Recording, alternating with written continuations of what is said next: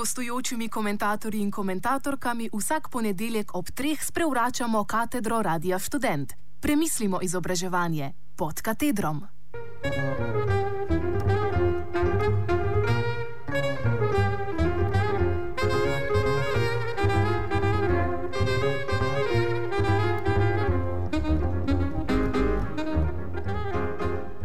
Antropologija otroštva o odnosu do otrok in učenja. Antropološke raziskave širom sveta nakazujejo, da imajo pretežno samozadostne družbe precej drugačen odnos do otrok, kot ga poznamo sami. Navadno ne poznajo izolirane institucije otroštva. Otroci so od rojstva vključeni v svet odraslih, v družinsko ekonomijo, ter se iz tega neposredno učijo. Pri treh letih jim že naložijo manjša opravila. V obdobju med petim in sedmim letom prevzamejo prvo odgovornejšo obveznost. Deklice, na primer, čuvajo mlajše sorojence, fantkom pa v pašo zaupajo prvo kozo. Zaradi zgodnega vključevanja v družinsko ekonomijo ne doživljajo čustvenih travm.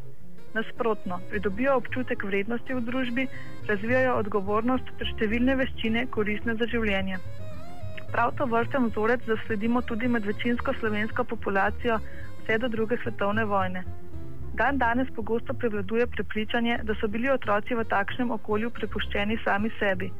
Starši se z otroki res niso ukvarjali na način, kakršnega poznamo danes.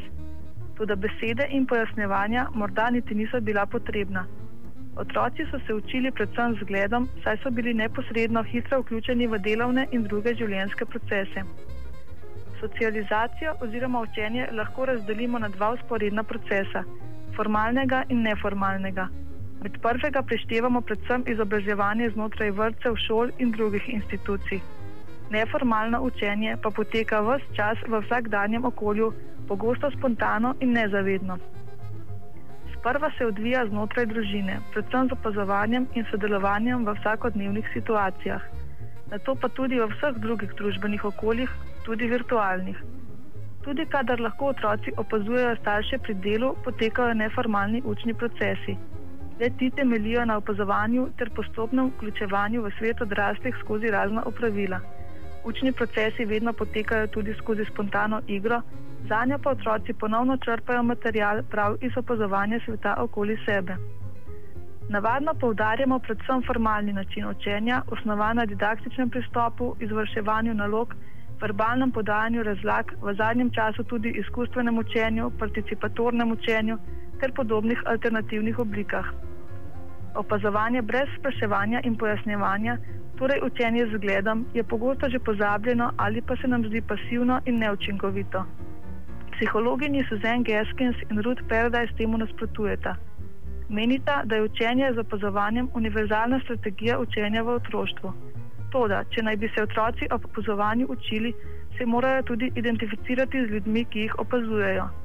Vsi ti pogoji so izpolnjeni le v družbah, kjer so otroci del sveta odraslih in niso ločeni. Delo odraslih se torej vsakodnevno odvija pred očmi otrok. Gaskins in Paradise ugotavljata, da delovni procesi v domačem okolju otroke pritegnejo.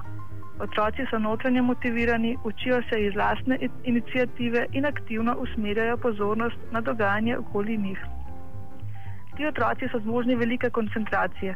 Njihove zmožnosti opazovanja okolice in podrobnosti daleč presegajo zmožnosti otrok, ki so navajeni zgolj na vodeno učenje.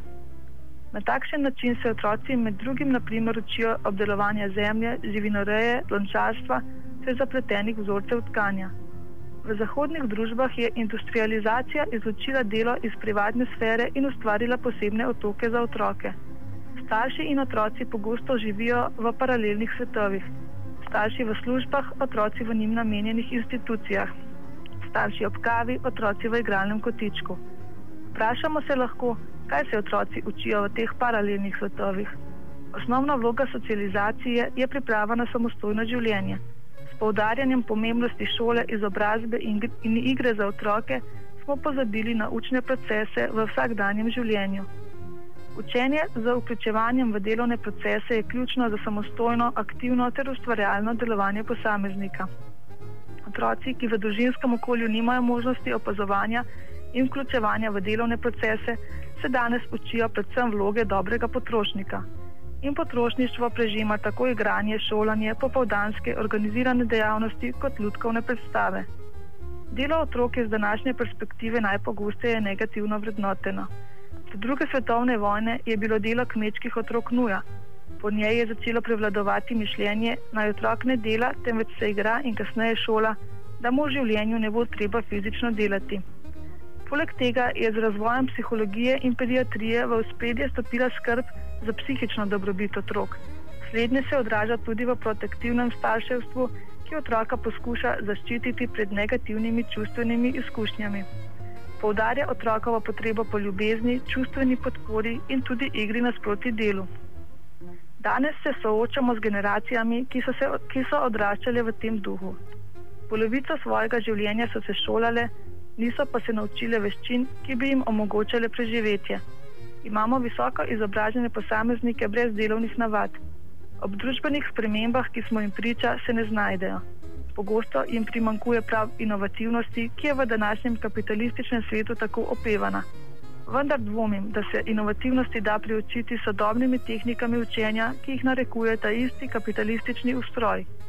Otroci vzgojeni v pretežno samozadostnih družbah se za preživetje učijo potrebnih veščin z opazovanjem sveta odraslih ter postopnim vključevanjem vanj.